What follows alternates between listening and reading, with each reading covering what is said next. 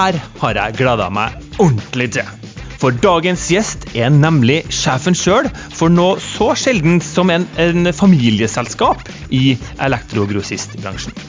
Hun er, har jeg fått beskjed om, da, er et råskinn på ski. Og elsker lange turer i den norske naturen, både på en stisykkel, til fots eller i kajakk. Hun er med andre ord ei sporty dame som hadde elska å være med på 71 grader nord. Med unntak av høyde, da, for hun er visst ikke så glad i høyder. Likevel har hun gått helt til topps i verdens viktigste bransje. Før vi slipper hun til, hva er dine forventninger til dagens gjest, Terje? Ja, Forventningene er jo uh, som vanlig stor. Uh, Bergård Amundsen er litt, litt, annerledes. Jeg skal ikke si atypisk, men litt annerledes enn de kanskje andre elektrogrossistene på en del områder. og litt sånn som vi har snakka om i Elektrokanalen tidligere, så kan det jo hende at på en måte Bergård Amundsen er litt ideell i forhold til den situasjonen vi er i, og, og bransjen er i, eh, og de utfordringene som ligger foran oss. Eh, eh, det er mulig at andre blir litt fornærma nå, men sånn får det bare være. Men jeg gleder meg veldig til å høre litt av de refleksjonene som kommer frem her i dag. Ja, og nettopp det skal vi forhåpentligvis pirke litt i. Hvordan eh, Bergård Amundsen, som en litt annerledes grossist kanskje, er rigga for eh, den tida vi er inne i. Og da har vi jo avslørt eh, ganske mye. Dagens gjest er nemlig administrerende direktør i Bergård og Amundsen og co., eller BA som de kanskje er mest kjent som. Velkommen til verdens viktigste podkast, Hege Amundsen Elvestad. Tusen takk skal du ha. Og la oss starte med det jeg innleda om, nemlig at BA er et familieselskap. Det eneste blant de etablerte elektrogrossistene, faktisk. Hva betyr det her egentlig for alle de elektrikerne som handler hos dere?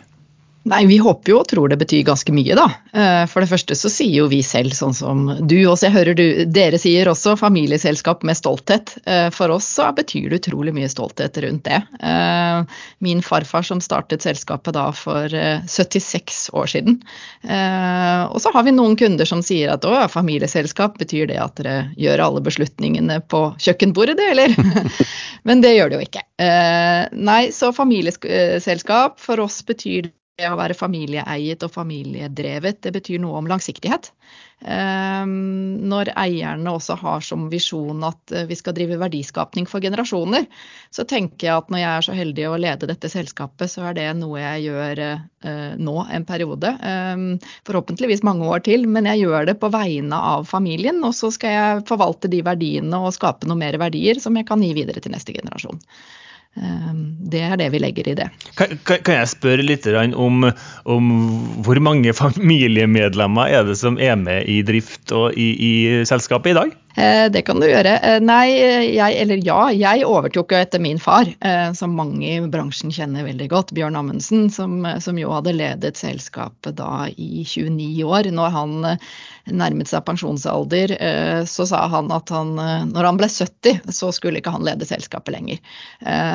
Så da gikk vi jo ut og, og gjorde faktisk et ganske søk også i bransjen generelt, og utenfor bransjen om det var alternativer. Og så ble vi jo skjønt enige enige om, både jeg og rekruttererne, at eh, jeg var det beste valget. Så jeg overtok jo for åtte, eh, åtte og et halvt år siden, så jeg har sittet i, i stolen her i over åtte år nå.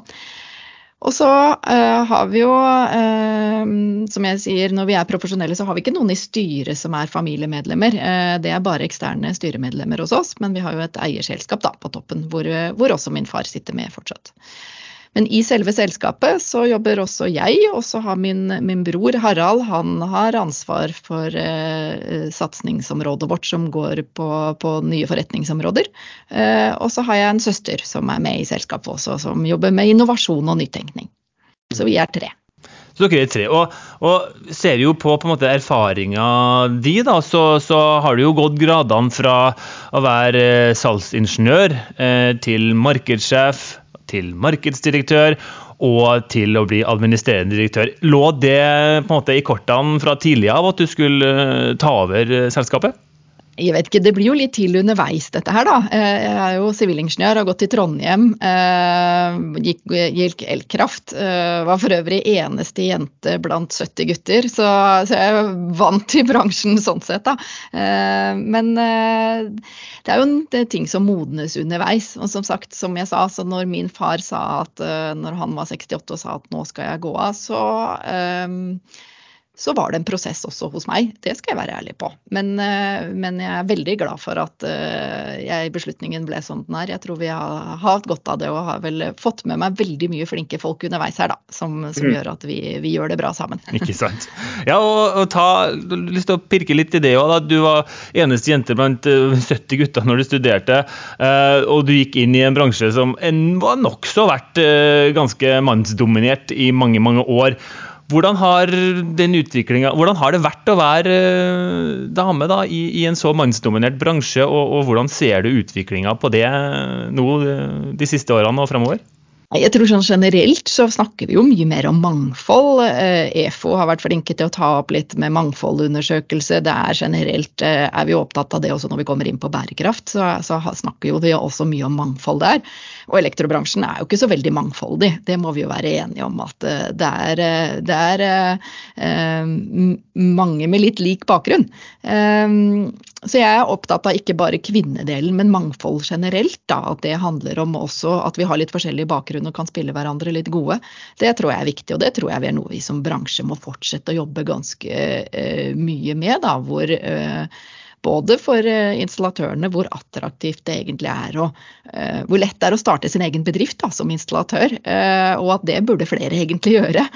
Så jobbe med rekrutteringen til bransjen vår, det tror jeg blir veldig viktig. Så vi får litt forskjellige typer mennesker inn i, i bransjen vår. Mm, det er jo noe vi har snakka om i flere anledninger i Elektrokanalen også. Eh, hvordan, hvordan, knekker vi den koden med å få mer mangfold inn i elektrobransjen? Gjør du deg noen tanker her, eh, Terje? Ja, altså Det første må jo være å, å snakke om det. Det her handler jo ikke om, om si, at man tvinger til et skifte eller tvinger til noe. Det handler jo rett og slett om at eh, de beste skal være med og drive bransjen fremover og, og lede bransjen. Og her er jo Hege et uh, kroneksempel. Og da handler det om å løfte frem det, og fortelle det. Uh, og det handler kanskje i mange sammenhenger også om En ting er å få på en måte mannfolkene til å, uh, å åpne øynene. Men, men, ikke minst tror jeg mest det handler om at vi rett og slett viser frem og, og ufarliggjør det her. For det er ikke farlig for om det er elektrobransjen. Eh, det er en, eh, en, jobb, og den er kjempeviktig at man får mangfoldet inn.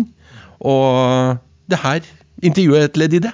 Absolutt, det er et ledd i det. Og, og la oss gå et, til, til, et annet tema. Um, Norgeseliten. Det er jo Blir det feil hvis jeg sier at det er Bergård Amundsen sin egen elektrikerkjede, Hegge? Det er ikke feil å si det, for vi er jo kjeden. Eh, men vi er veldig opptatt av at medlemmene i kjeden eh, de er selvstendige eh, familiebedrifter på samme måte som vi er. De er selvstendige installatører. Så Norgeseliten er jo en paraplyorganisasjon. Det er noe som skal hjelpe de medlemmene til å bli enda bedre. Vi skal gjøre hverdagen enklere for dem og hjelpe de å lykkes. som vi vi sier, når eh, våre installatører, altså medlemmene i Norgeseliten lykkes, så lykkes vi jo sammen også.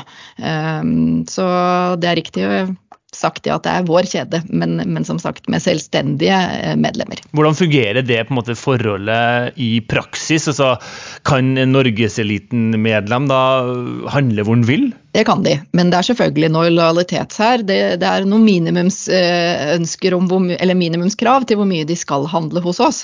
Og så får de noe bonus hvis de handler mer. Eh, så det er jo noen gulrøtter på at det lønner seg å være lojal. Eh, og det snakker vi jo mye om at det er noe eh, vinn-vinn i det. Jo mer vi samarbeider, og vi har jo noen utvalgte leverandører som vi samarbeider tett med også, jo mer vi handler hos de, jo mer penger får vi også til å gjøre gøye ting sammen i kjeden. Og utvikle systemer og løsninger og tjenester som gjør, kommer tilbake til medlemmene. da. Du, du, kjenner jo til veldig mange eh, kjeder, Terje. Ehm, hva, hva, hva, hva er ditt forhold til sånn, norgeseliten, eh, og hvordan betrakter du dem som kjede? Jeg betrakter dem som, eh, litt sånn som jeg sier, jeg betrakter dem som kanskje i hvert fall noen av de mest eh, lojale eh, til selve kjeden. Eh, jeg oppfatter dem som eh, ganske tydelig når det gjelder eh, ikke nødvendigvis innovasjon, men det å gå foran og, og, og, ta strategiske grep i forhold til nye satsingsområder og sånt. At de ikke bare sier at de skal gjøre det, men de faktisk gjør det. Eh, og så oppfatter jeg norgeseliten som veldig hyggelige folk som, eh, som ønsker å diskutere både de utfordringene vi har, og hvilke muligheter som, som ligger i det. Så det er min uh, subjektive uh, betraktning av norgeseliten. Mm. Jeg må si tusen takk, det var ikke planlagt, det var ufortjent krytt. Nei, men vi, altså, Det er én ting som ligger i formålsparagrafen til Elektrokanalen, det er at vi skal være ærlige. Ja.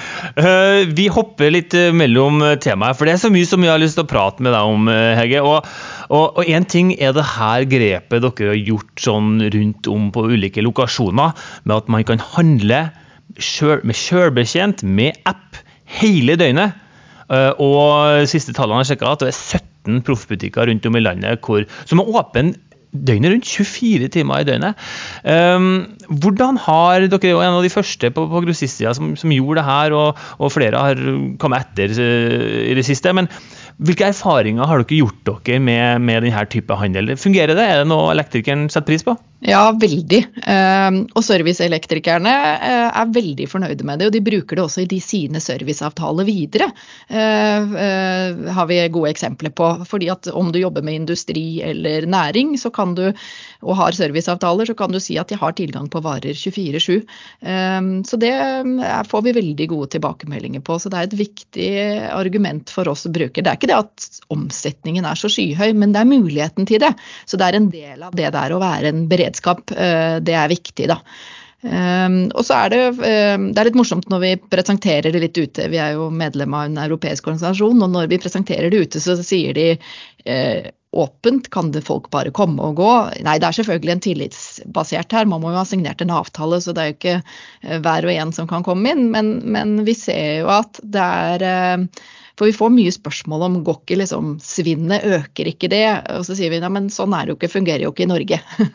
Eh, det er snarere tvert imot at dette er en tillitserklæring. Vi åpner og gir deg tilgang, så, så, så, det, så virker det veldig, veldig godt. Så nei, det er vært en suksess.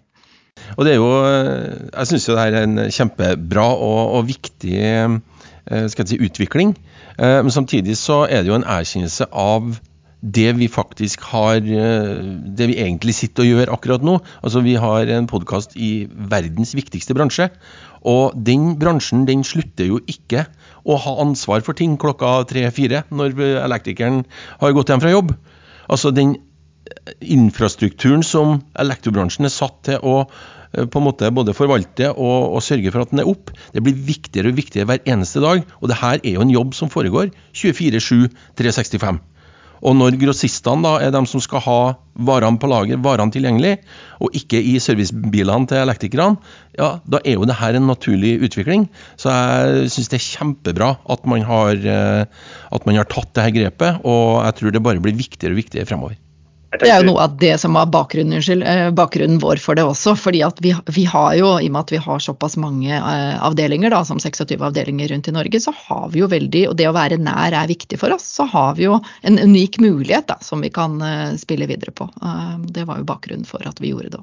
Akkurat. og Jeg tenkte jo du Terje, skulle dra sånn slutninger her mellom at åpen butikk 24 timer i døgnet og Elektrokanalen også åpen 24 timer i døgnet.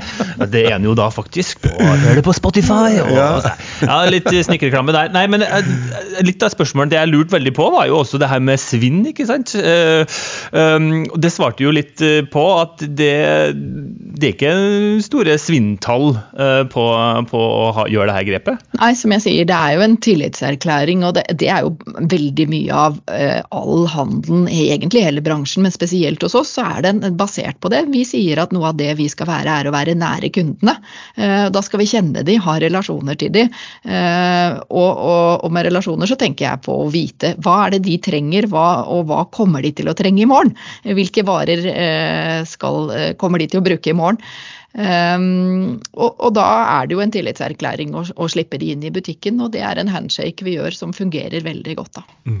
da, er, da er, jeg veldig spent på mitt andre spørsmål her. Altså, hvor, hvor mye handel er det som skjer klokka to om natta på disse 17 prosentene?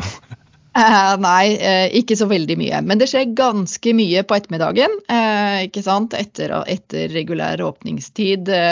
litt sånn som vi har sagt spøkete.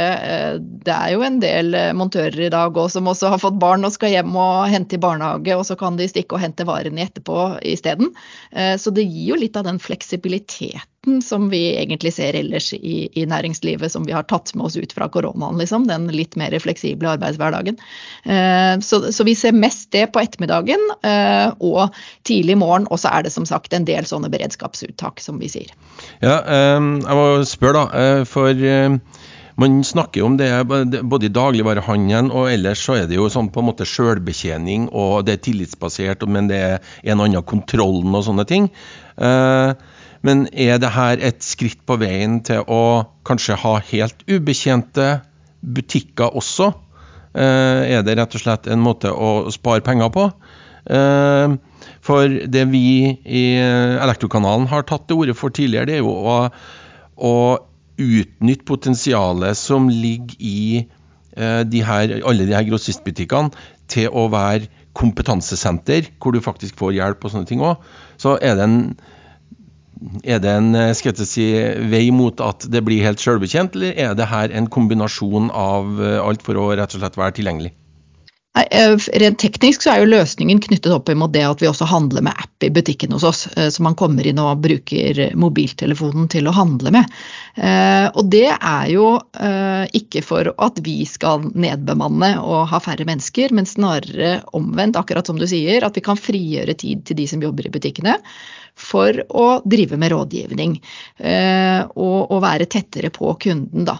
Så eh, vi har ikke gjort dette for å, å, å Altså selvbetjening, ja det blir det i større og større grad, men den, den frigjorte tiden skal ikke brukes til å sende alle gutta hjem eh, og jentene hjem. Eh, den skal brukes til å gi råd og være i dialog på kundene. For det er jo en økende kompleksitet som dere har tatt opp mange ganger også i produktverden. Det går fra produkt til løsninger, det har man snakket om i veldig mye, mange år.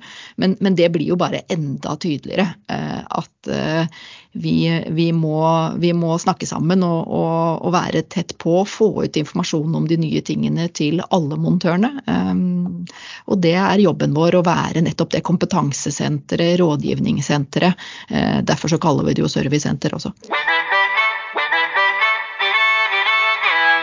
Fra Great Place to Shop til Great Place to Work. Åh, Den overgangen her jobba jeg masse med. Uh, den trenger litt forklaring, fordi Great Place to Work det er jo en, eh, en anerkjent uh, prisutdeling eller et karriereprogram uh, som, som, deler ut priser til de arbeidsplassene i Norge og verden som, er, som de ansatte har stemt fram som, som, gode arbeidsplasser, og som en jury har, har bestemt at er, her er det helt fantastisk å jobbe. Og Poenget er at Berg Amundsen har nådd ganske høyt opp i de kåringene år etter år. Så da er jo litt spørsmålet, Hege, jeg regner med at det her er godt forankra i toppen. Hvordan jobber BA med kultur for å få sånne resultater? Eh, Det er jo litt tilbake til det vi begynte med. da. Når vi er et familieselskap, så mener vi jo at vi skal uh, ta ekstra godt vare på menneskene hos oss. Uh, det skal, BA skal være et fantastisk, ikke bare et godt sted å jobbe, men et fantastisk sted å jobbe. Og det har det jo vært i mange år. Uh, og det vi begynte med Great Place to Work-målingen, så var det for å få en temperaturmåler på er det noe bare vi sitter og sier på fine møter, så at, eh, at eh, det er flott å jobbe i BA. Eh, og så ville vi ha en ordentlig temperaturmåler på det. Og da har det jo vist seg at det er medarbeiderne i BA de syns at det er flott å jobbe i BA. Og det er jo veldig bra. Og det er jo noe vi jobber aktivt med, som du sier, og spørsmålet er hvordan jobber vi med det. Nei, vi jobber jo med det med at vi har, vi har mye aktiviteter rundt de ansatte. Vi har fokus på opplæring. Det, skal, det er korte beslutningsveier. Og det er noe av det jeg syns er egentlig det mest interessante i den Great Place to Work-undersøkelsen. De avdelingene hos oss da, som gjør det absolutt best på, på, på, undersøkelsen, de er jo de som også svarer at de har størst påvirkning på egen arbeidshverdag. Så det å få lov å være med å bestemme litt, eh, være med å påvirke hvordan vi har det på jobb, det er kanskje det aller viktigste av det vi gjør i forhold til å bygge BA-kulturen. da. Mm. Nå har ikke vi kjørt de ansatte i Elektrokanalen gjennom en sånn type Nei. temperaturmåling. Eh, vi er kanskje litt for få til det for øyeblikket, det er jo bare meg og deg, Terje. Men eh, kan ikke du si litt Hege, om, om hvilken type Hvis andre som hører på denne podkasten også kunne tenke seg å få litt følelse av hvordan står det til med mine ansatte? Er det så bra som vi tror det er? Hvordan, hvordan jobber man med det? Hvordan, hvordan, kommer man seg inn i denne type temperaturmåling, og, og ikke minst følge opp det på, på ledernivå? Ja, for jeg tror eh, Der har du et viktig poeng at det handler ikke bare om å gjøre en temperaturmåling og så ferdig med det. Den viktigste tingen vi gjør med, med Great Place to Work-undersøkelsen, det er jo egentlig tilbakemeldingene som gis i etterkant. Så vi går gjennom eh, resultatene eh, per avdeling.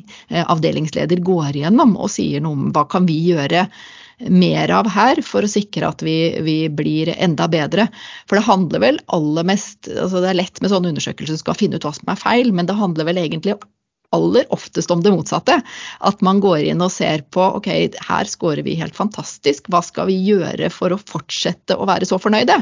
Um, og som jeg sier, det går ikke bare på trivsel, det går jo også på ledelse. Det går på um, om engasjement, om man føler at man um, får bidratt på jobben, da. La oss eh, snakke litt om det som eh, kanskje, i hvert fall jeg syns er noe av det mest spennende eh, når man eh, eh, surfer litt på BA sine hjemmesider. Eh, og det er begrepet bevisst elektrogrossist. Det, det, er både fint, og det, det, og det rimer.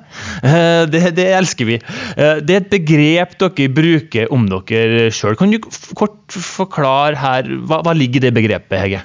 Nei, vi, vi, som veldig mange andre eh, har jo gått en gjennomgang på sett på hvordan strategien vår, hvordan er den bærekraftig. Eh, og så eh, var vi litt opptatt av at å bruke ordet bærekraft, det, det er nesten litt, blitt litt forslitt. Eh, men så var vi veldig opptatt av å også se på at ja, men vent litt, strategien vår den er jo bærekraftig i seg selv. Um, og, og, og, i bærekraft så legger vi da det utvidede begrepet om at det handler ikke bare om miljø. Miljø er selvfølgelig viktig, det handler om planeten vår. Men det handler også veldig mye om menneskene. Um, om de sosiale forholdene. Um, og så handler det jo om også lønnsomhet. Uh, for det er ikke bærekraftig hvis vi ikke skaper lønnsomhet i det vi driver med også. Ehm, og da, og da, fant vi ut at eh, la oss se kan ikke vi, jeg tror det, For oss så handlet eh, det veldig mye om å vise fram hvor, hvor, hvor er strategien vår eh, bærekraftig. Eh, for vi mener jo at strategien vår er bærekraftig. Eh, og som litt tilbake igjen til dette med å være et familieselskap òg. Vi har eiere som plutter hoveddelen av resultatet tilbake igjen i driften. Eh, nettopp for å sikre langsiktighet. Og på den måten så er vi i stand til å gjøre investeringer. Vi er i stand til å tenke nytt.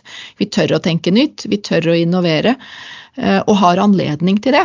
Ehm, og det er jo i seg selv bærekraftig. Så vi var litt opptatt av å si at eh, dette er ikke noe vi har funnet opp nå fordi vi skal drive med noe grønnvasking eller, eller, eh, Men vi ønsker å vise fram da, at vi gjennom 76 år har vært en bevisst elektrogrossist eh, som har satt disse punktene på agendaen. Og da, er det en litt morsom sidehistorie også at når min farfar startet selskapet da, for 76 år siden, så var et av de første salgene han gjorde, det var kabel fra den tyske krysseren Tirpitz, som da var senket, og så plukket man den kabelen og resolgte den. Så det er jo gjenbruk fra, fra dag én.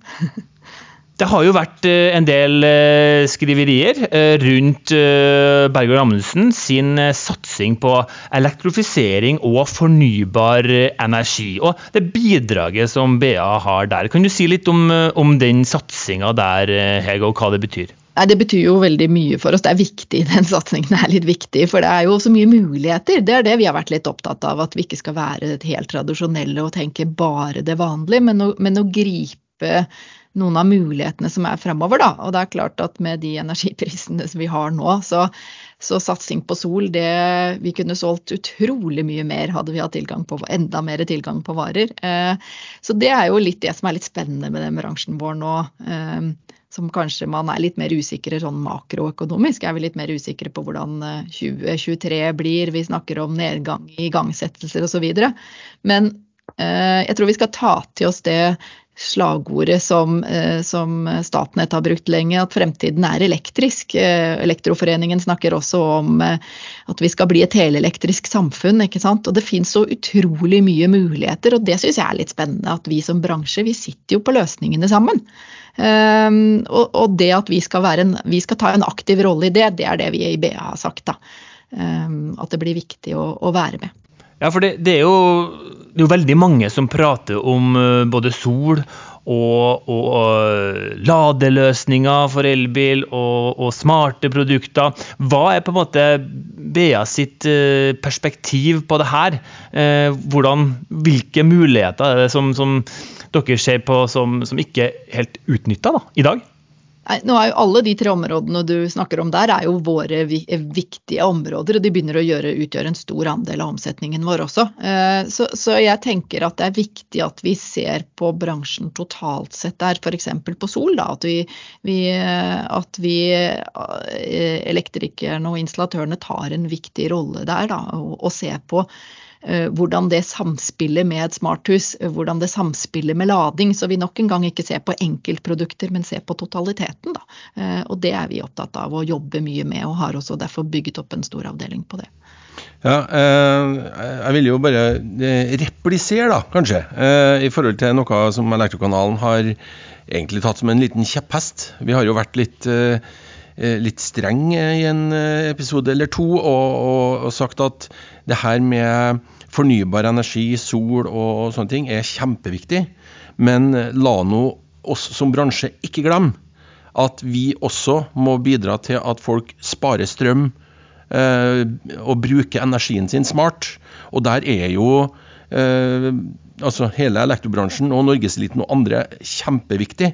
For målet må jo ikke være bare å, å, produsere mer og mer og mer strøm for at vi skal på en måte eh, dekke opp det fremtidige behovet. Vi må også bruke strømmen smart og, og spare der vi kan.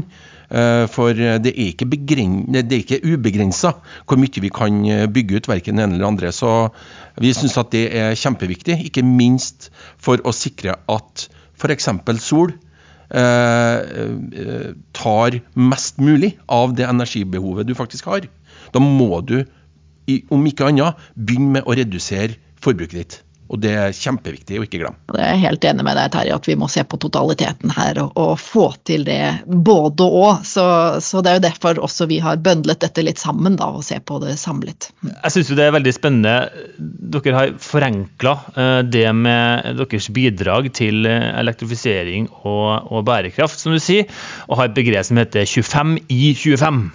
Eh, og det går kort sagt eh, på 25 eh, reduksjon i avfall og resirkulering, 25% reduksjon i transport, i energiforbruk osv. osv. Det er 25% reduksjoner på de her tingene.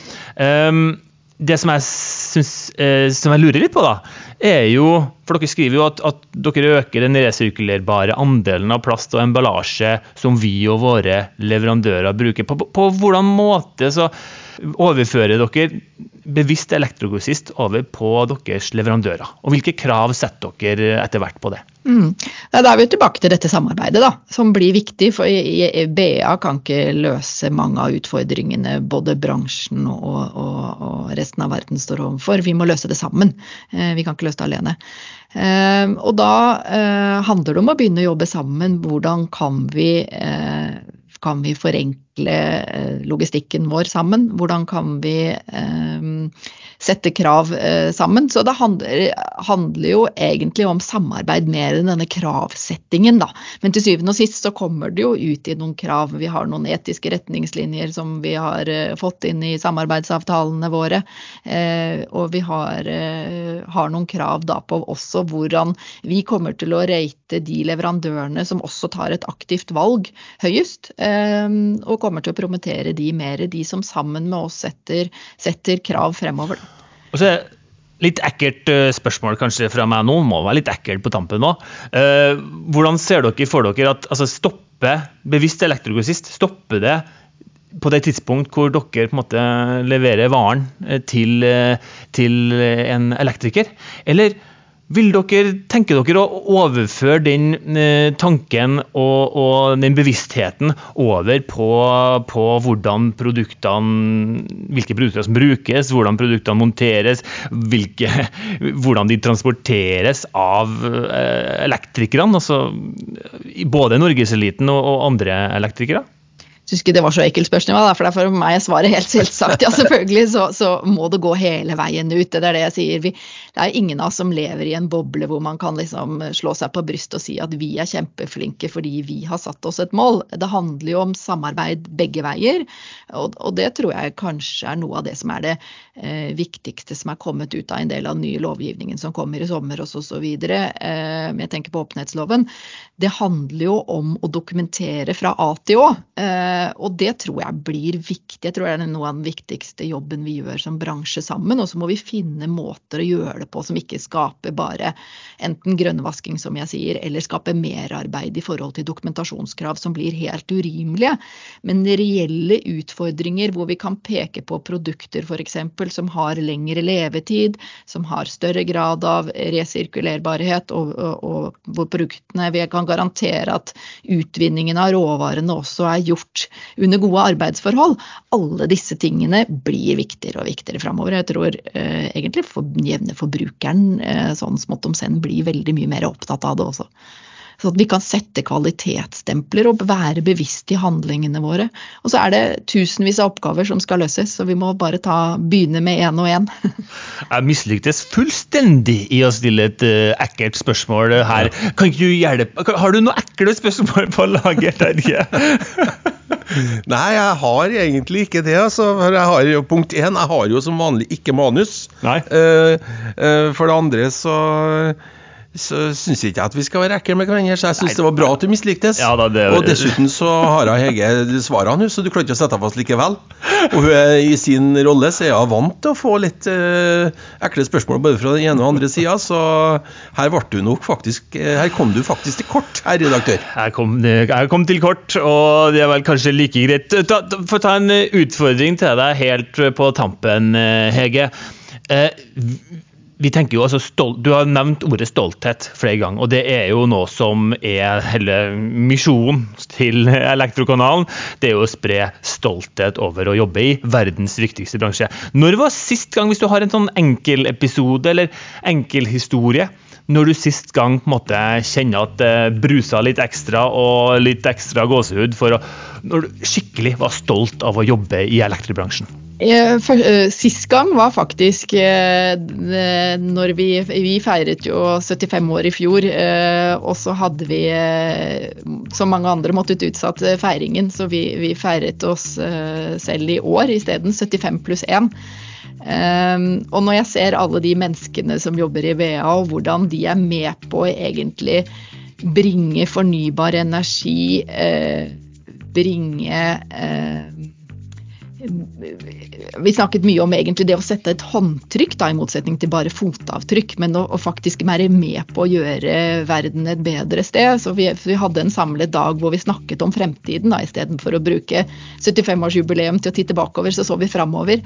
Men det når vi får alt fra de som jobber på lageret til oss, eh, hos oss, til, til eh, avdelingsledere, salgsdirektører, til å stå og bli rørt over alt det fine mulighetene som ligger foran oss for den fine bransjen vi er i, eh, da må jeg at, eh, innrømme at da, da kjente jeg litt på det. Det syns jeg var egentlig veldig fint, det her bildet med at eh, ikke bare snakk om mindre fotavtrykk, men også sterkere håndtrykk. Uh, og, det, og, det, er et bilde egentlig som viser at vi, vi må jobbe sammen. Uh, det er ingen som klarer å, å, elektrifisere Norge alene. Jeg må si tusen hjertelig takk, Høge, for at du stilte opp i Elektrokanalen. Det var veldig spennende å høre om eh, det perspektivet du sitter på, og den historien som Bea bærer på. Uh, og rett og slett. Det, var, det, var, det ga litt ettertanke. Og, og, nå skal vi jobbe hardt for å få toppa det her. Men, men, takk til deg, Hege. Og så har du hørt på Elektrokanalen nå. Og du må abonnere på oss på, på Spotify og der du hører på podkaster. Jeg har hatt med meg Terje Lillemo. Mitt navn er Brage Stemme Johnsen. Takk til vår gjest Hege Amundsen Elvestad. Vi høres.